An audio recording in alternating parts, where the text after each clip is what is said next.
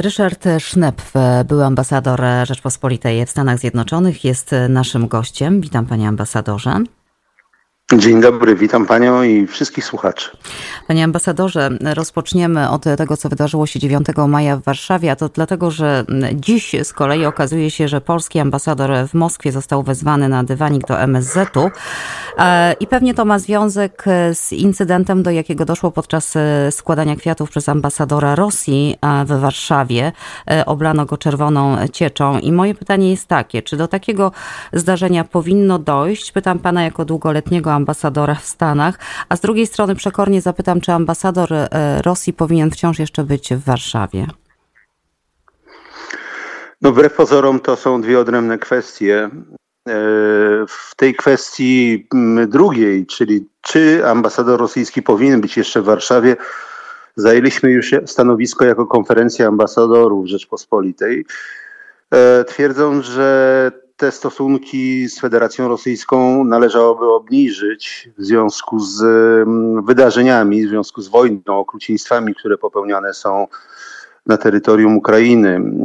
Dla nas, y, byłych ambasadorów, y, nie ulega wątpliwości, że y, powinniśmy dać sygnał, że dyplomacja w jakimś sensie się kończy, a przynajmniej e, na tym etapie e, nie ma o czym rozmawiać po prostu. Natomiast drugą kwestią jest e, no, bezpośredni jakby atak na ambasadora rosyjskiego. To bardzo niedobre, niefortunne, a to jest za słabe słowo. Szkodliwe zdarzenie które stawia nas w złym świetle. Zdjęcia mm, ambasadora Rosji oblanego czerwoną cieczą e, obiegły świat. I na dodatek wpisują się e, w narrację, którą e, w sposób klarowny bardzo przedstawiał Władimir Putin właśnie tego samego dnia, a mianowicie, że Rosja jest ofiarą, a nie sprawcą tego, co dzieje się w Ukrainie. Y, więc e, potwierdziliśmy jakby niechcący, no, że e, Rosjanie, a w tym wypadku najwyższy przedstawiciel państwa rosyjskiego jest fizycznie atakowany na ulicach Warszawy, więc to z całą pewnością nie służy nam i będzie wykorzystywane bezwzględnie przez propagandę rosyjską. Yy, ambasadora, jak każdego dyplomaty zresztą, ale zwłaszcza ambasadora chroni immunitet dyplomatyczny. Yy, to jest zobowiązanie yy, każdego państwa wynikające z konwencji wiedeńskiej i zobowiązuje ono do ochrony no, przede wszystkim fizycznej przedstawiciela dyplomatycznego. To jest bardzo długa tradycja E, która wynika z faktu, że przedstawiciel nawet wrogiego, nieprzyjaznego kraju E, musi mieć swobodę poruszania się i e, działania jednak na terenie obcym, e, bo inaczej no, zmierzalibyśmy do świata wyłącznie działań zbrojnych, a chyba tego nie chcemy. Panie ambasadorze, jak oglądałam wideo z tych wydarzeń, widziałam zadowoloną minę ambasadora, bo wydaje mi się, że to była prowokacja i myślę, że takiej prowokacji można się było spodziewać. I z drugiej strony bardzo się dziwię, obserwując różne uroczystości w Polsce, Polsce państwowe, mniej państwowe. E, przecież kordony policji potrafią świetnie zabezpieczać takie wydarzenia, prawda? Robi się szpaler, pilnuje się, e, by nie dochodziło do incydentów. Mamy tego przykład chociażby podczas miesięcznic smoleńskich i tak dalej. Dlaczego nie zadbano o to wobec tego? No właśnie, to pozostaje do pewnego stopnia, ale tylko do pewnego stopnia zagadką. Y, zapewne ma Pani rację, że y, ambasada rosyjska dokonała y, swego rodzaju prowokacji tutaj w Warszawie której my się bezmyślnie po prostu poddaliśmy.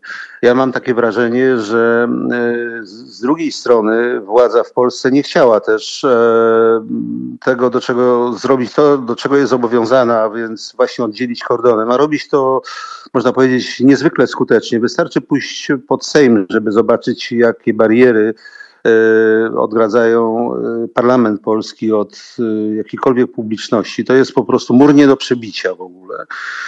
Także te, te uroczystości smoleńskie, te miesięcznice, ale także to, co niemalże codziennie dzieje się na placu Piłsudskiego wokół pomnika ofiar katastrofy smoleńskiej i widać, że można coś zrobić, ale widocznie ktoś nie chciał, a być może, i tutaj skłaniałbym się do tego myślenia, po prostu przedstawiciele władzy uważali, że, no, że to fajnie, że to jest takie, w takim prostym myśleniu e, oblejemy ambasadora, czy ktoś obleje ambasadora farbą, a my będziemy się temu przyglądać i on się w ten sposób skompromituje. Muszę powiedzieć, że mm, przy całym moim, mojej wstrzemięźliwości ambasador Rosji zachował się niezwykle dzielnie w takiej sytuacji. Ja nawet trudno mi sobie wyobrazić, jak ja bym się zachował. Y, on zachował zimną krew, stał dłuższy czas właśnie pomalowany na czarno, na czerwono i, i, i wygłaszał swoje tezy do hmm. mikrofonów hmm. polskich mediów.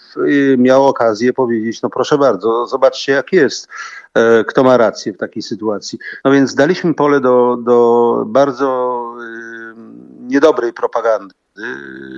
Pole do tego, żeby pokazać nie tylko nam, ale i światu, e, właśnie, e, że rosyjski przedstawiciel, ambasador może być źle potraktowany, że nikt nie wówczas nie będzie zastanawiał się nad tym, czy to była prowokacja ambasady, czy to są jakby, to jest wtórne myślenie, natomiast pierwsze wrażenie jest takie, jak mówią, e, że Polska nieżyczliwie, niewłaściwie reaguje na sytuacje, które zagrażają dyplomacie. Hmm. Obrazki przede wszystkim przemawiają do ludzi, a te obrazki są jakie, jakie są i wszyscy je widzieliśmy. Pozostając jeszcze przez sekundę przy 9 maja, e, wszyscy bardzo oczekiwali niepokoili się e, przemówieniem Putina. Tymczasem mm, no, nie, nie, nie wypowiedział wojny, nie, nie, nie ogłosił zwycięstwa. E, czy coś między wierszami w tym jego przemówieniu, czegoś dowiedział się pan z tego przemówienia ciekawego? No w jakimś stopniu tak. E, ja należę do tego niewielkiego grona chyba osób, które wierzyły w to, że nic wielkiego się nie wydarzy, że nie będzie jakiegoś e, E, zmasowanego ataku rosyjskiego rakietowego, który miałby ewentualnie podkreślić wyjątkowy charakter tego dnia, że nie będzie no, ogłoszenia wojny, a więc poboru również w Rosji że po prostu ten e, dzień będzie potraktowany dosyć e, zwyczajnie, a nawet poniżej e, oczekiwań wielu. To znaczy ta prezentacja siły militarnej była znacznie skromniejsza niż w ubiegłym roku. Natomiast słowa Władimira Putina mnie zaintrygowały. To znaczy ja miałem wrażenie, że słyszę człowieka, który wie, że przegrał. Wie, że przegrał, ale jeszcze nie wie, jak z tej sytuacji wyjść. Więc e, to wrażenie, ale tylko wrażenie, bo przecież nie wiemy, e, co tak naprawdę myśli. E, jego mowa ciała, jego sposób mówienia, ale też słowa, które padały, były, no, trzymały się standardu. Tam nie było nic wielkiego wezwania nawet. A powiedziałbym nawet, że jeżeli e, Władimir Putin no, składał kondolencje i wyrazy ubolewania rodzinom e, żołnierzy e, rosyjskich, to było to przyznanie się do faktu, że, o którym wiedzieliśmy zresztą, że tych ofiar jest dużo po prostu i straty są ogromne.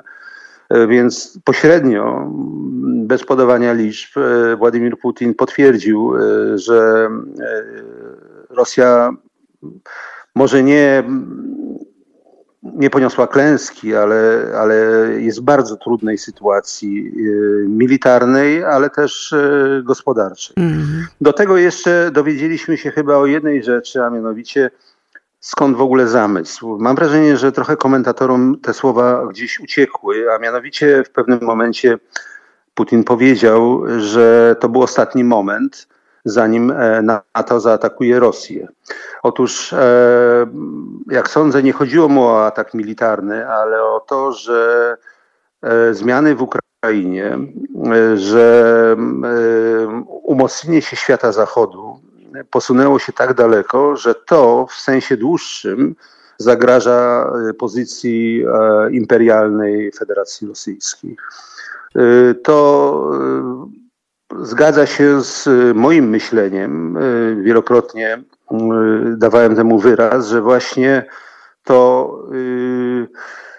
to poczucie, że za rok Y, Rosja nie będzie miała w ogóle czego szukać. I postęp technologiczny, i gospodarczy, i ta wspólnotowość, która była odbudowywana bardzo konsekwentnie od momentu objęcia y, władzy przez Joe Bidena w Stanach Zjednoczonych. Ten proces y, jednoczenia całego Zachodu, te wszystkie wizyty, które się odbyły i w Wielkiej Brytanii, i spotkania z Francuzami, i, spotkania we Włoszech, i, i mm, niebywała poprawa relacji z Niemcami też. Y, jednym sens z Unią Europejską, z Brukselą samą, że to wszystko tworzy potencjał, który po prostu y, zepchnie Rosję na Daleki Wschód i że Rosja przestanie odgrywać rolę E, do której aspiruję, więc e, uznano, że to jest ten moment, w którym i to ostatni właśnie moment, w którym e, należy wykonać agresywny akt wojenny. Tak, e, paradoksalnie Putin e, jeszcze pomógł temu zjednoczeniu i tej solidarności Zachodu. E, myślę, że nie spodziewał się takiego efektu, ale, ale na, to, na to wygląda, patrząc. Oczywiście są tam jakieś wyłomy, zawsze się znajdą, natomiast rzeczywiście.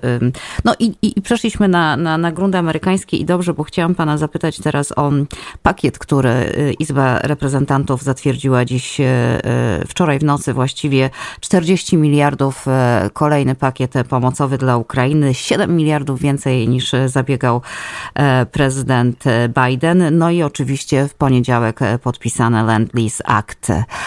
Chciałam zapytać Pana o opinię na temat tej pomocy amerykańskiej dla Ukrainy i nie tylko, bo w tych pieniądzach są też oczywiście pieniądze dla sojuszników na sprzęt i tak dalej, prawda? No i dla pomocy humanitarnej, tak, tak pamiętajmy tak, o tym, tak. niezwykle ważnej, tak. Y, no, y, y, Ameryka się zachowuje niezwykle odpowiedzialnie i, i hojnie. Wracamy do sytuacji z okresu po II wojnie światowej właściwie. Plan Marshalla, ale wcześniej właśnie Land-Lease, czyli cały program pomocy dla walczących krajów alianckich z Hitlerem.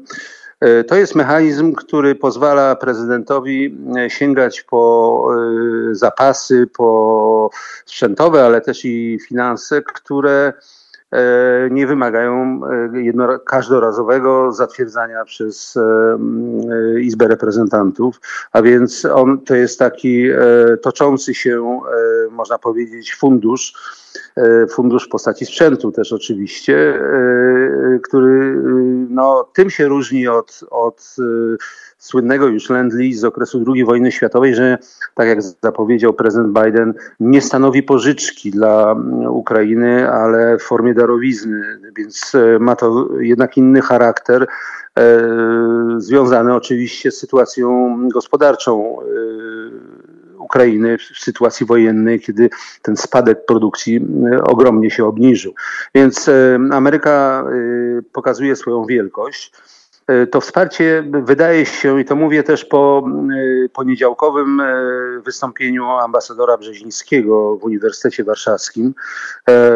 Otóż odnoszę wrażenie, że to to wsparcie dla Ukrainy i demokracji, powiedzmy sobie szczerze, tych wartości, o których prezydent Biden mówił, jest e, jednoznaczne nieodwoływalne. To znaczy, jest to takie głębokie bardzo przekonanie, że przyszłość świata y, wymaga też takiego poświęcenia ze strony, y, ze strony Stanów Zjednoczonych. I to znajduje wyraz w poparciu, y, tak zwany bipartisan, prawda, czyli obu partii, które jeśli o tę kwestię chodzi, właściwie mówią jednym głosem. Ja mam wrażenie tak zwyczajnie po ludzku też, jak słucham prezydenta Bidena bardzo często, że on bardzo, bardzo e, przejmuje się tym, co dzieje się w Ukrainie, zwłaszcza po tym, jak e, był w Polsce, jak e, był bliżej tego wszystkiego pierwsza dama odwiedziła Ukrainę w minioną, nie, miniony weekend, prawda? Mm, tak, i Rumunię, i tam, tak. znaczy tak, okolice, prawda, odwiedziła obozy uchodźców z Ukrainy, miejsca ich zamieszkania w tej chwili. Tak, to jest rodzinne takie zainteresowanie. Wizyta pierwszej damy jest czymś, można powiedzieć, z punktu widzenia ludzkiego nawet większym, bo biorąc pod uwagę ryzyko, jakie jest z tym związane. Hmm. Więc e, w tej sytuacji to po prostu e, rzeczywiście jest poważne potwierdzenie tej polityki, którą w tej chwili administracja e, prezydenta Bidena prowadzi. Ale to jest polityka Ameryki akurat. Czytałem sondaże amerykańskie z tych najlepszych sondaży, które są szeroko prowadzone i one potwierdzają, że ogromna, ogromna większość Amerykanów oczekuje po pierwsze wsparcia, a może nawet większego wsparcia ze strony administracji dla e, walczącej Ukrainy, więc tutaj nie ma e, szczególnych różnic pomiędzy demokratami a republikanami. To prawda, to prawda. Ja umówię się z panem na rozmowę o Ameryce, bo mieliśmy też prawybory. Donald Trump prawdopodobnie będzie startował. Dużo takich tematów ciekawych, które chciałabym z panem umówić. Dzisiaj już nie zdążę. I tak zupełnie na zakończenie bym chciała pana jeszcze zapytać o taką ocenę dyplomatyczną prezydenta Zełenskiego. Ja mam takie wrażenie, że bardzo duża zasługa leży po jego stronie, jeśli chodzi o, to, o ten stosunek świata. Oczywiście Ukraińców walczących, absolutnie bohaterskich, ale też e, to, ta jego e, medialność, te jego wystąpienia, to, to, że przede wszystkim tam trwa. Jak pan ocenia właśnie prezydenta? No tak, ten, to, to jest rzeczywiście bardzo poruszające, tym bardziej można by powiedzieć, że wizerunek, ten pierwotny wizerunek prezydenta Zeleńskiego nie był taki piękny i, i przypisywano mu właśnie te aktorskie przede wszystkim, e, niezbyt poważne też e, e, wydarzenia z życia. A tutaj w sytuacji dramatu, tragedii, która się rozgrywa, pokazał E, heroizm, bo pokazał e, wielkość charakteru, bez wątpienia. E, trzeba brać pod uwagę, bo niektórzy słuchacze czy widzowie mogą mieć takie wrażenie, że momentami on jest przerysowany, że, że on żąda więcej, że ciągle więcej. Ale on, ale on, prezydent Żeleński jest prezydentem Ukrainy, która jest w stanie wojny i która doświadcza ogromnych cierpień. Jego obowiązkiem wręcz jest rzeczywiście e, pójść jak najdalej, być twardym. W tej chwili e, mam wrażenie, że to, co obserwujemy, to jest moment przełomu jakiegoś, z którego Ukraina powinna wyjść e, no, w całości, bez strat terytorialnych zachowując swoją suwerenność jak najdalej posuniętą, e, prawo do e, samookreślenia, do decydowania o sobie. E, więc ta, te, to stanowisko, które prezentuje prezydent Zeleński, ale też jego minister spraw zagranicznych Kulewa, oni są y, bardzo twardzi, bardzo y, wymagający wobec innych, ale wobec siebie też. Więc to piękny przykład rzeczywiście wyjątkowego przywództwa w dzisiejszym świecie, w którym zbyt wielu takich liderów nie mamy. Panie ambasadorze, dziękuję pięknie na dziś. Pozdrawiam serdecznie. Ja też dziękuję, kłaniam się wszystkim, pani również oczywiście pozdrawiam. Pozdrawiamy. Ryszard Sznep, były ambasador Rzeczpospolitej w Stanach Zjednoczonych, był naszym gościem.